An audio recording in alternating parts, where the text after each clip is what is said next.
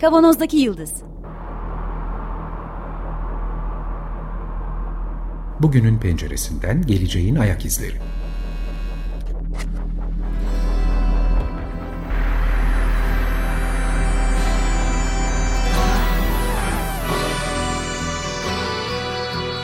Hazırlayan ve sunanlar İsmail Başöz, Haluk Levent, Mustafa Yılmazer ve Fethiye Erbil. Zorlu Holding Sürdürülebilirlik Platformu Akıllı Hayat 2030, herkes için daha yaşanabilir bir dünya diler. Merhabalar, Açık Radyo'dayız. 95.0 Kavanoz'daki Yıldız programında sizlerle beraberiz yeniden. Bugünün penceresinden geleceğin ayak izlerini sürmeye devam ediyoruz. Sosyal medya yolunda yürüdük. 4 aydır yürüyoruz. Bu galiba 17. O yol değil. Bir türlü çıkamıyoruz yani. Çıkmaz sokak girdik çıkamıyoruz. Dolaşıp duruyoruz evet. Bu galiba 17. programımız olacak bu konuda. Sosyal ikilem belgeselinden yola çıkıp bütün detaylarını masaya yatırdığımız bir süreci e, takip ediyoruz hep beraber. Geçtiğimiz hafta sosyal medyanın iktisadi boyutunu konuşmaya başladık. Buradaki konu başlığımız geçtiğimiz hafta privacy yani mahremiyetti. Mahremiyetle e, bugün Haluk bize üretim ilişkilerini falan da anlatacaktır herhalde tekrar. Evet program ortağımız ama bugünkü konuğumuz Profesör Doktor Haluk Levent'le beraberiz efendim tekrar. Merhaba. Fethiye burada. Merhabalar. Ve ben İsmail sizlerle beraberiz. Mahremiyetten sosyal medya düzlemindeki mahremiyetten e, bahsettik. Bugün de ilginç bir başlık önerisi sundun Haluk. Mahremiyet ve kapitalist ilişkiler mi dedin? Evet. Yani daha doğrusu bir iş modeli olarak kapitalizm e, bu mahremiyet meselesini nasıl kullanıyor? Şimdi bu e, geçen hafta mahremiyeti konuştuk. Mahremiyetten bahsederken de tabii en önemli özelliklerden bir tanesi aslında otonomi meselesi diye söylemiştik. Yani otonomiyi ortadan kaldıran bir yönü var bu mahremiyet ihlallerinin. O yüzden bu otonominin ortadan kaldırılmasıyla birlikte de bir meta ilişkisi içerisine değişik bir tarzda, bizim alışık olduğumuz bir tarzda değil, gir, girmesi söz konusu oluyor. Yani bu, bu da tabii ki buradaki olan kayışı da aslında gözetim. Yani gözetim kapitalizmi denmesi aslında mahremiyetin ve dolayısıyla otonominin ortadan kaldırılıp e, bir üretim ilişkileri ağı içerisine bu gözetimin dahil edilmesi. Geçen hafta kısaca bir söylemiştik. Otonomi derken kendinde olma hali diye söylemiştik. Evet. Kendinden çıkıp bir şekilde yönetiliyor olma haline dönüşten bahsediyorsun. Ve Yönlendiriliyor işte, olma haline. kendi kararını kendin e, alamama aslında bütün bu meseleler onun üzerine dayanıyor ve bunun da tabii şaikası bir iş modeli artık tür iş modeli olarak anıldığı için Facebook kapitalizmi diye geçiyor. Bunu çünkü en yoğun ve en kapsamlı bir şekilde yapan Facebook'un iş modeli aslında. Bunu kendileri dile getiriyorlar aslında bakarsan. Dolayısıyla bu nasıl oluyor? Bir parça ondan konuşalım. Ondan sonra da zaten Shoshana Zuboff'un kapitalizmin bir varyantı olarak bu meseleyi nasıl konumlandığı, nasıl tanımladığı e, işine gireceğiz. Evet sayın dinleyiciler 17 haftadır beklediğimiz dakikalara geliyoruz. Sushana Zuboff'un Age of Surveillance Capitalism kitabına dair detaylı konuşmayı bu programın sonuna doğru gerçekleştireceğiz sonunda. ama ama bekleyin sırada önce Facebook'un iş modeli e, var çok üstünde durulan. Yani Facebook'un kendisi zaten bir gözetim makinesi olarak tasarlanmış bir şey. E, dolayısıyla bu gözetim üzerine kurulu bir işletme, bir iş modeli gibi değerlendirmemiz gerekiyor. Ve bu dünyanın en büyüğü. Yani bütün e, insanlık tarihinde ortaya çıkmış en büyük e, gözetim makinesi. Dolayısıyla da bunun üzerine dayalı bir iş yapma hali. Burada tabii çok sıkça da lafı edilen bir şey var. Yani bunun nasıl çalıştığının üzerine bir parça e, duracağız ama çok e, lafı edilen de bir şey var. Eğer herhangi bir servis, hizmet ücretsiz ise siz bir tüketici değil, doğrudan doğruya ürünsünüz diye de çok meşhur hale gelmiş. Anonim galiba yani bunu ilk kimin kullandığını ben mesela bilmiyorum ama dilden dile çok dolaşıp çok anonim hale gelmiş bir şey. Ama bu hakikaten çok doğru bir e, mesele. Zaten e, Zuboff'un yaklaşımının da oturduğu temellerden bir tanesi bu. E, nasıl ürün haline geliyoruzu analitik bir şekilde ele alıp işliyor. Şimdi dolayısıyla burada Facebook'un mahremiyet politikası, privacy policy diye bilinen e, mahremiyet politikasına şöyle bir hızlıca bakmakta fayda var. Bir kere Mark Zuckerberg'in daha böyle çok başlarında Facebook'un henüz işin başındayken kullandığı bir kavramsallaştırma var. E, diyor ki bu kullanıcı bilgileri tanım gereği kamusal olmak zorundadır. Yani Facebook'a girdiğinizde, bunu 2010'da etmiş bu lafı. Ve bu da dolayısıyla aslında bu Facebook'un mahremiyet politikasının temeli de bunun üzerine oturuyor. Yani baştan söylüyor zaten. Ne eğer, anlama geliyor bu? Kullanıcı eğer, bilgileri? Eğer buraya giriyorsan diyor artık sana ait bilgiler senin özel mülkiyetin, özel kontrol alanının içerisinde değil bir kamu malıdır. Yani sen Facebook'a girdin, ben Facebook'a girdim. Ben senin bütün bilgilerine erişebiliyor olmalıyım. Sen benim bütün bilgilerime erişebiliyor olmalısın. Kamu malı demek bu demek çünkü. Kamu malının fiyatı yok, o yok, bu yok ama bir özel mülkiyete konu değil. Yani onun özellikle de bu tabii kişisel bilgiler olduğunda o kişisel bilgilerin sahibi tarafından kontrol edilip özel mülkiyete ya da onun izin verdiği insanlara sadece ulaşılabilir olması demek değil. Ama ya bu burada, güzel bir şey değil mi peki? E, Kamu malı olması. Şöyle bir şey söyleyelim. Bu tabii bazı bir sürü benzer programda işte arkadaş grupları söz konusu. O arkadaş grupları içerisinde e, giriş çıkışı engelleyebiliyorsun. Dolayısıyla tam anlamıyla bir kamu malı haline e, dönüşmeyebiliyor. Görüşlerin ya da şunlar bunlar falan dışında. Ama burada her ne kadar bazı kullanıcıları seçerek seninle arkadaş olması, senin grubun içerisinde, senin bulunduğun grubun içerisinde alman söz konusu olsa da kamu malı niteliğini kaybetmiyor. Çünkü o hizmeti sunan şirket herkesin bütün bilgilerine ulaşabilir durumda konumlandırıyor kendisini. Yani o bilgileri alıyor, işliyor ve ondan sonra onun üzerinden kamuya yönelik bazı ürünler çıkartıyor veya faaliyetler gerçekleştiriyor. Bu anlamıyla da şirket dolayımıyla aslında bir kamusallık oluşmuş oluyor. Tırnak içinde bir kamusallık ama bu.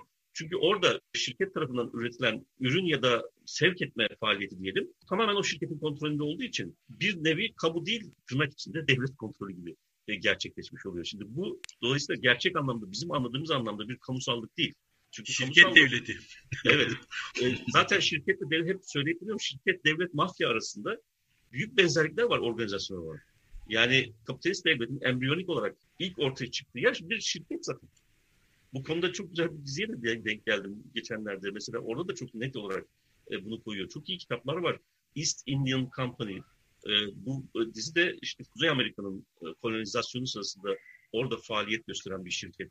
Ve bunun işte faaliyetleri aslında bugün bizim devletin faaliyetlerine çok yakın, çok benzer hiyerarşisi, şiddet kullanma tekeli, Ondan sonra işte rekabetler var. Tabii o rekabette devletin silahlı güçlerinin kullanılması falan iç içe geçmiştik.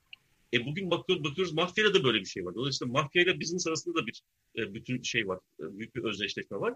E, dolayısıyla aslında bu herhangi bu tür benzer bir kurumsallaşma işin içine girdiğinde kamusallık yaratmış olmuyoruz. Tersine kamusal alanın e, bir kurum tarafından ya da bir dizi kurum tarafından işgal edilmesi. Onun o kurumun kendi öznel çıkarları çerçevesinde işgal edilmesi gibi bir durumla karşı karşıya. Bu yani bizim anladığımız anlamda bir kamusallık değil. Çünkü bizim anladığımız kamusallık mahremiyeti ortadan kaldıran bir kamusallık değil zaten. Burada kamusal olan bizim anladığımız anlamda iyi iyi kamusallık diyelim buna. İyi kamusallıkta kamuya dair faaliyetlerin, işlemlerin ve kurumlardaki her şeyin e, şeffaf olması, bütün herkes tarafından eşit bir şekilde erişilebilir olması ve karar sürecine herkesin o kamunun parçası olarak katılabilmesi anlamına geliyor. Yani orada bizim kişisel verilerimizin herkes tarafından biliniyor olması e, anlamına gelmiyor. Tersine onu korumamız da gerekiyor. O yüzden Şimdi, bu durumda sosyal medyada gönüllü katılımımız var buraya kadar tamam. Hepimiz isteyerek bilerek gönüllü olarak katılıyoruz ama buranın mahsulleriyle toplamda yapılacak uygulamanın kararına herhangi bir şekilde katılmıyoruz. Katılamıyoruz. Yani kararı yine şirket devletme benzeri organizasyonlar veriyor. Ben oraya nokta koydum. Ee, bizim ülkemizde böyle mafya şirket bağlantıları falan olmadığı için çok bilemiyoruz bu tür şeyleri. Ee, bizim küresel örneklerden yola çıkarak. Tabii tabii bizim ülkemizde yok neyse ki. Afrika'da var, Latin Amerika'da var, Rusya'da var, her yerde var ama bizde yok. yok. Ee, şimdi bu karar sürecinin yönetici kısmında olması adı neyse onun adı şirket ya da şirketler vesaire buradaki kamusal alan görüntüsünü başka bir boyutta taşıyor diye söyledim. Ters yani baş aşağı duran bir kamusallık var burada aslına bakarsan tanım itibariyle. Çünkü bunu bir şehir meydanı gibi düşün. Çünkü orada şirket aslında yönetmiyor bu alanı. Şirket bu, böyle bir alan açıyor. Diyor ki Facebook'um var. Gelin arkadaş eğlenin. Kendi aranızda konuşun. işte anılarınızı paylaşın. Ondan sonra e, duygularınızı paylaşın. Her ne yapıyorsanız yapın. Bu konuda sen gruplar kurun. Bu grupları kapalı grup olarak kurun. Açık grup olarak kurun. Ne yaparsanız yapın diyor sanki baktığın zaman böyle bir güçlü kısıtlama yokmuş gibi gözüküyor. Ama bununla sınırlı kalmıyor. Bununla sınırlı kalmıyor. Bununla sınırlı kalmamasını şuradan anlıyoruz. Bizim istemediğimiz çok sayıda bilgiyi biz farkında olarak ya biz farkında değilken büyük ölçüde ama bir kısmında da farkındayız tabii. Topluyor. Sürekli topluyor. Dolayısıyla benim aslında özel alanımın tamamını kendi kurumsal yapısı açısından kamusal hale getiriyor. Orada benim e, alışverişte bulunduğum insanlar açısından değil. İkincisi ve daha önemlisi buradan elde ettiği verileri yani benim, seni, işte bu, bu platformlara katılan herkesi e, üçüncü şirketlere de sunuyor. Evet, azıcık geriye gidip bir de şey söyleyeceğim. Bu meydanı kurduktan sonra gelin burada toplanın ve her şeyi yapın. Buna bir bir cümle daha, bir motto daha ekledi yanılmıyorsam bu yıllar. Yes you can temelinde bir motivasyon yaratıldı. Yapabilirsin. Her şeyi yapabilirsin. Her şeyi yapmakta özgürsün. Bu yakaladığımız çok büyük bir şans. Neden çekiniyorsun şeklinde aslında her denediğin şey yeni bir veri olarak çıkıyor e, ortaya. E, bunun öbür tarafında tabii evet her şeyi yapabilirim lafına inanan insanlar yapamayınca da ruhsal çöküntüler de yaşıyorlar tabii. Performans toplumu diye adlandırılmaya başlandı artık. Yarattığı bir başka boyutu da burası. Bunu da eklemek istedim. Evet evet o da önemli bir mesele. E, tabii burada şöyle bir şey de var. Facebook'un bir, bir iddiası bu da 2013'te devreye giren bir iddiası da açık açık e, devreye giren bir iddia. Facebook'un görevi diyor. Dünyayı daha açık ve birbiriyle daha bağlantılı hale getirmek. O yüzden şehir meydanı gibi bir benzetme yapılıyor. Yani buraya girdiğin zaman işte ilkokul arkadaşını bulabiliyorsun. Uzun ne bileyim 30-40 yıldır görüşmediğin. Ya da herhangi bir tartışma grubunun içerisine eğer o tartışma grubu açıksa ki Facebook bunun açık olması teşvik ediyor. Dahil olabiliyorsun çeşitli farklı gruplara dahil olabilir. Çeşitli farklı gruplar içerisindeki senin dile getirmek istediğin görüşler varsa bunları dile getiriyorsun. İşte bir takım şeyleri paylaşıyorsun falan filan. Dolayısıyla böyle bir bağlantılı olma hali oluşturuyor bu platform veya benzeri platformlar. Facebook'un en büyüğü ama tek değil. Yani bunun gibi çok sayıda e, şey de var. Fakat şimdi Facebook'u farklı kılan benzeri platformlar ama hafif işlevsel farklılıklar içeren platformları e, bünyesine katmış olması. Bu ürküntü verici bir hale gibi başladı. Instagram ve arkasından WhatsApp'ın.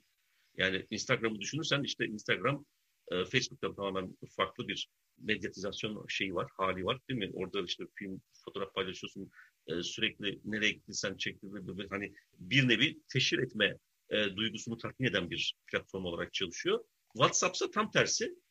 E, arkadaş grupları arasında işte uçtan uca şifrelemeyle çalışan ve bu anlamıyla da mahremiyeti koruduğu yani bir o Facebook bu anlamıyla bir şehir meydanı değil oturma odası ya da salon. Hani arkadaşlarınla toplanmışsın kendi aranda konuşuyorsun falan. Ama o salonun dışındakiler senin orada ne konuştuğunu farkında değiller. Ama bu Facebook tarafından ele geçirildiği zaman o ikinci ve kötücül e, kamusallaştırmanın yani tırnak içinde diyelim kamusallaştırmanın gerçekleştiğini görme ihtimaline sahip oluyoruz. Yani Facebook orada bizim kamuya açık olarak değil sınırlı bir grup içerisinde yaptığımız konuşmaları, gerçekleştirdiğimiz davranışları ve düşüncelerimizi toplama şansına sahip oluyor artık. Uçtan uca şifrelemenin orada ne kadar koruyucu olduğu çok şey, e, kuşku verici.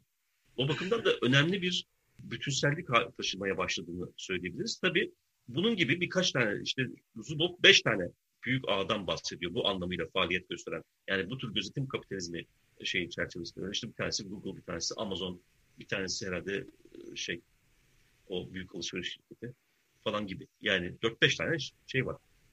Daha ürküncü bunların şimdilik birbirleriyle veri paylaşmıyor olması ama e, ileride bunlardan bir tanesi ya da işte bir iki tanesi bir kartel oluşturabilir veya sivrilip diğerini satın alabilir. İşte o zaman çok felaket bir veri e, setine sahip olacak demektir bu. Çin'de bunun ne o anlama geldiğini daha önce uzun uzun konuştuğumuz için çok üstünde durmuyorum.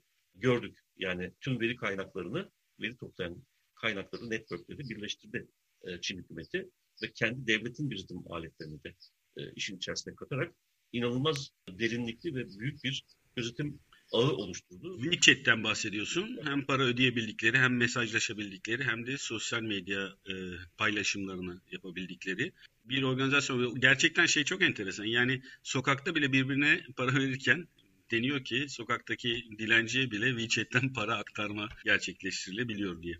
E, bunu şey yapıyor, teşvik ediyor. Çünkü şöyle bir şey de var. Çin'in iki yıl önce ya tarihleyebileceğim bir makalede okumuştum. Ya da geçen yıl okumuştum ama makale iki yıl önce yazılmış olabilir. E, hali hazırda Çin toplumunun yüzde otuzu finansal sistemin içerisinde değil.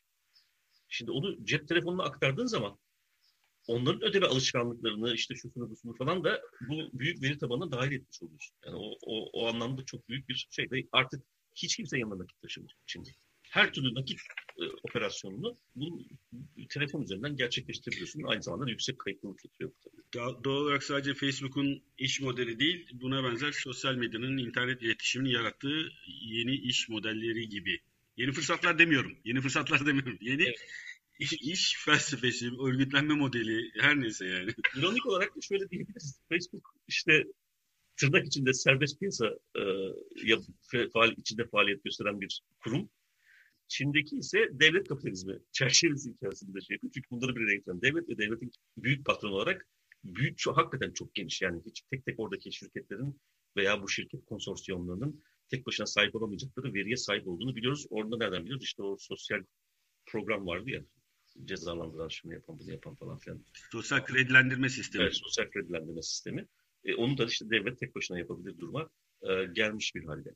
Dolayısıyla bu son derece önemli bir e, mesele. Ayırt edici unsurlardan bir tanesi bu.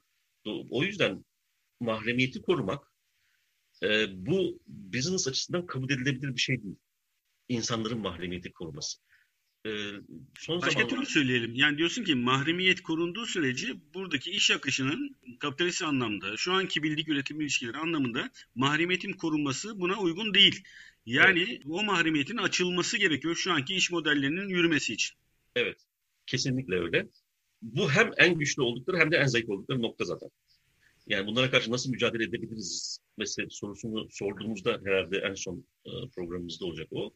E, o zaman göreceğiz ki bunların gerçekten çok zayıf e, yönleri var. Bu zayıflığın kaynağını bugün Apple'la Facebook arasındaki büyük tartışmadan da anlayabiliyoruz değil mi? Ne yaptı Apple? Dedi ki arkadaş sen bu telefonun sahibiysen ve senden izin almadan herhangi bir program, izin almış olsa bile galiba hatta, herhangi bir program asli faaliyeti dışında senin işte telefon rehberine, e, bilmem e, görüntü e, dosyalarına, şuna buna ulaşıyorsa ben bunu sana haber vereceğim.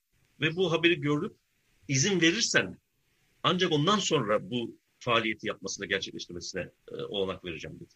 Herhalde yeni şey, Apple modellerini ya da belki de güncellemeyi de bütün modelleri de geçmiş. Çünkü bir yazılım meselesi. E, Facebook buna şiddetle karşı çıktı. Kendi aralarında büyük bir tartışma başladı. İşte e, iş yapma halini engellediğini söylüyor Facebook. Şimdi bu bize dolayısıyla çok önemli bir e, done veriyor. Yani demek ki Facebook ya da benzeri kuruluşları eğer hoşlanmıyorsak bir toplumsal hareket açısından söylüyorum. Hoşlanmıyorsak e, o zaman bunların bu faaliyetlerini kontrol altına aldığımız takdirde bu, bu iş modelleri büyük bir hızla çökebilir. GameStop e, uygulaması gibi söyledin sen şimdi. O başka bir e, şey ama e, o finansal piyasalarda gerçekleştirilen bir uygulamaydı. O daha böyle dar e, piyasa e, işleyişinin verdiği bir avantajı çok zor olan kooperatif hareketle kullanmaya dayalı bir şey. Yani açığa satışlar, şunlar bunlar falan olur. İşte bütün büyük paralar bu şekilde kazanılıyor zaten kaldıraçlı işlemler sayesinde bir de. E onu fark edince onun karşısında e, küçük balıklar birleşip kocaman balık oluşturduğunda o e, ters pozisyonda yakaladılar. Şimdi burada bu sosyal medya ve Facebook ve Google vesaire bunların tahakkümüne karşı da zayıf noktalardan yola çıkıp bir organizasyon yapabiliriz umudu verdin evet. şu anda. Duygularımızla oynamıyorsun değil mi? Bak yani buna inanacağız. Oynamıyorum. Oynamıyorum. Çünkü e, bu konuda çok ciddi gelişmeler gerçekleşmiş durumda. Hatta şunu söyleyebilirim. Bir bir kere alternatifleri var artık. İki daha önemli bir alternatif var. Bir nevi blockchain mantığıyla çalışan bir network protokolü var. Yani hatta birden fazla yanılmıyorsam. Ee, benim bildiğim, takip ettiğim bir tanesi var. Mesela IPFS, Interplanetary File System diye bir şey. E burada Bunlar open source yazılımlar, açık kaynak yazılımlar. Kaynak yazılımlar açık kaynak yazılımlar ve e, bu işte tamamen şifreli ilişkiler ve merkez yok. Şimdi merkez olmadığı zaman şifreli olmasa bile bu şirketlerin veri toplaması mümkün olmuyor. Çünkü bu şirketlerin veri toplaması şöyle gerçekleşiyor. Sen herhangi bir resim paylaşırken ben sana bir resim göndereceksem bu resmi göndermek için Facebook'u kullanıyorum, Instagram'ı kullanıyorum. Bir, bir alet kullanmam gerekiyor yani. Ve bunu ben sana, ikimiz de İstanbul'dayız. Ben sana gönderiyorum dediğimde bu önce merkeze gidiyor. Artık bunun hostingi neredeyse. Amerika olabilir, Avrupa'da herhangi bir yer olabilir. Ondan sonra sana geliyor. Bu gidiş geliş hem etkinlik açısından büyük sakıncalar içeren bir şey hem de merkezden geçtiği için merkezdeki program bütün veri trafiğini kaydetme imkanına sahip oluyor. Bu bugünkü internet protokolünün temelini oluşturuyor ve bu internet protokolünün bu yapısı nedeniyle bu tür faaliyetler gerçekleşebiliyor zaten. Yoksa biz kendi aramızda peer to peer denen e, bir e, karşı karşıya bir bağ, bağ, bağlantı kuruyan iki uç olsak o zaman hiç böyle bir şey gerçekleşmesi mümkün olmayacak. Çünkü e, bugünkü büyüklüğünü düşünecek olursam yine tabii bir yardımcı program kullanacağız. Yani Facebook muadili o bu neyse bir şey kullanacağız. Ama burada onun sunduğu araç aslında bu internetin altında bir şey olduğu için e, ve şifreleme, uçtan uca şifreleme imkanımız da olacağı için e, o sadece bir takım sinyalleri birbirimize iletmemize yarayacak bir e, program olacak. Şunu bir programın sonuna gelirken şeyi bir daha bir hatırlatalım. Yani bu kadar veri toplanmasından biz şikayetçi olarak konuşuyoruz sürekli. E, bazı dinleyiciler, birçok dinleyici de şey söyleyebilir. E ne olacak ki toplansın. Bunlar bizim için yeni şeyler yapılmasına yol açar diye bir olumlu tarafından da bakabilirler. Ve ikincisi de ya ne olacak ki mahremiyetim gitse ne olacak, benden veri toplasa ne olacak.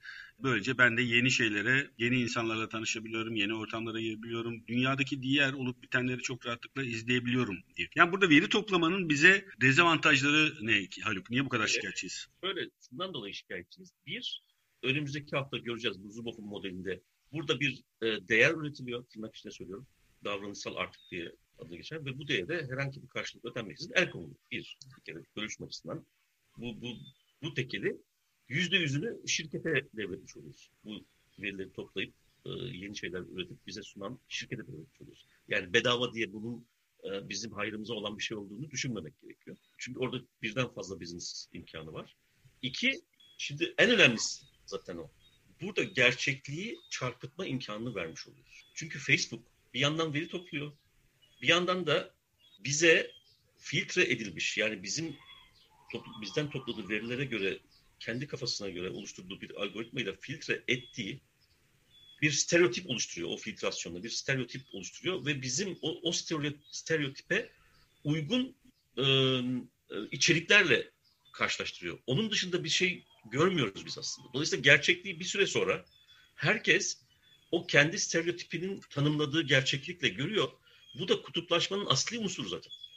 Bir yandan böyle gerçekten de bizim o algımızın, gerçeklik algımızı da e, daha önceki programlarda da konuştuk.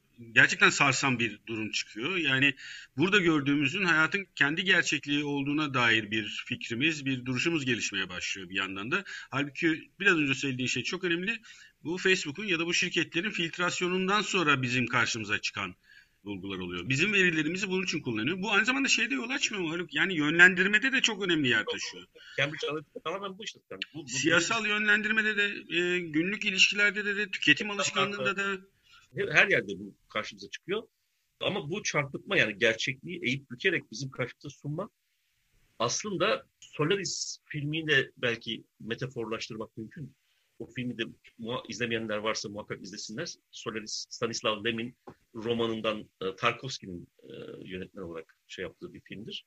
Hatta Stanley Kubrick'in 2001 Uzay Yolu Macerası diye e, ideal, evet, o, idealizmin doruğu olarak adlandırılan bir bilim kurgu filmiydi o. E, onun karşısında materyalizmin doruğu olarak e, Solaris e, çekti Tarkovski. Ama Solaris'te şöyle bir durum var. Bir gezegen var ve o gezegenin iletişim kurma şeyi ancak telepatik olarak. Çünkü bütün yüzde yüz her tarafı suyla kaplı bir gezegen. İşte bir süre sonra orada insanlar e, ölmeye başlıyorlar laboratuvarda. Delirerek ölüyorlar falan. Sonra bir araştırma ekibi gidiyor. Neyse sonunda anlıyorlar ki aslında iyi niyetli bir şekilde iletişim kurmak istiyor gezegen. E, telepatik yetenekleriyle beyne giriyor ve o beyinde ne görüyorsa, Aa, bunu seviyor bu insan diye onu çıkartıyor karşısına. İşte, işte ölmüş babanı ya da işte yakınını düşünüyorsan birdenbire o karşında belirliyor bir gerçeklik de sanki varmış gibi yapıyor. Facebook aynen böyle yapıyor. Ya da benzeri programlar.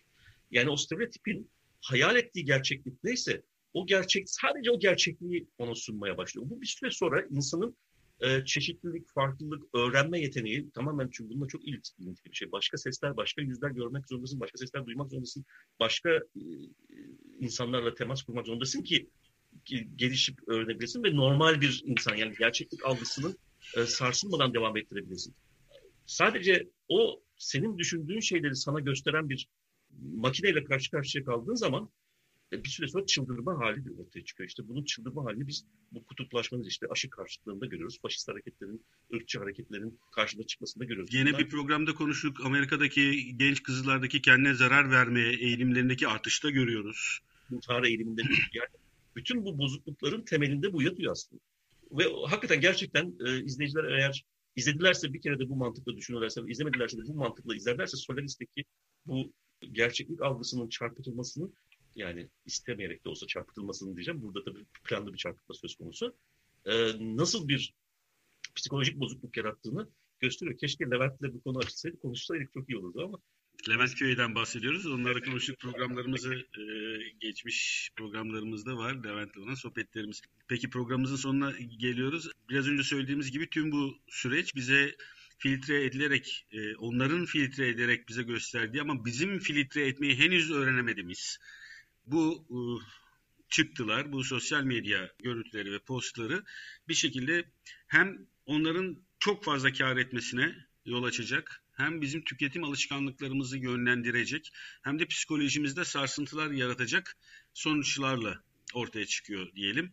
Ee, Age of Surveillance Kapitalizm yine önümüzdeki haftaya kaldı. Heyecanı doruklara çıkararak devam ediyoruz sayın dinleyiciler. Bence Peki. bir noktada kendisi gelmek isteyecek programa. evet, profesör emekli zaten şu anda. Çok çok sayıda videosu var. Kitabı okumak belki biraz zor olabilir ama çok sayıda videosu var. Onlardan da faydalanmak mümkün kitabın. Peki. Bu haftalık programımız bu kadar. Konuşmaya devam edeceğiz. E, sosyal medya, internet iletişimi ve onun yarattıkları hakkında bu konudaki farkındalığımızı yukarılara tırmandırmaya ve biraz önce söylediğim lafa ekleyerek kendi filtrelerimizi en azından geliştirmeye çalışıyoruz. Bu programın size ulaşmasını sağlayan bütün Açık Radyo çalışanı arkadaşlara çok teşekkür ediyoruz. Program destekçisine yine canı gönülden teşekkürlerimizi iletiyoruz. Ayrıca bütün Açık Radyo destekçilerine de teşekkürlerimizi iletelim. Önümüzdeki hafta tekrar görüşmek üzere. Sağlıkla kalın. Aşılarınızı olun. İyi hafta sonları. Bağış yapın. İyi hafta sonları.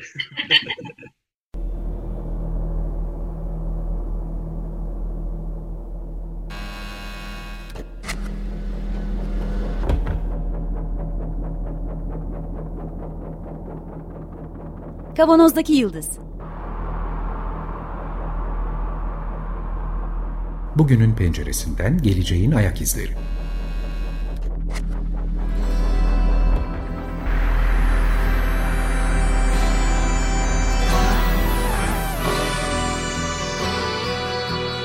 Hazırlayan ve sunanlar İsmail Başöz, Haluk Levent, Mustafa Yılmazer ve Fethiye Erbil.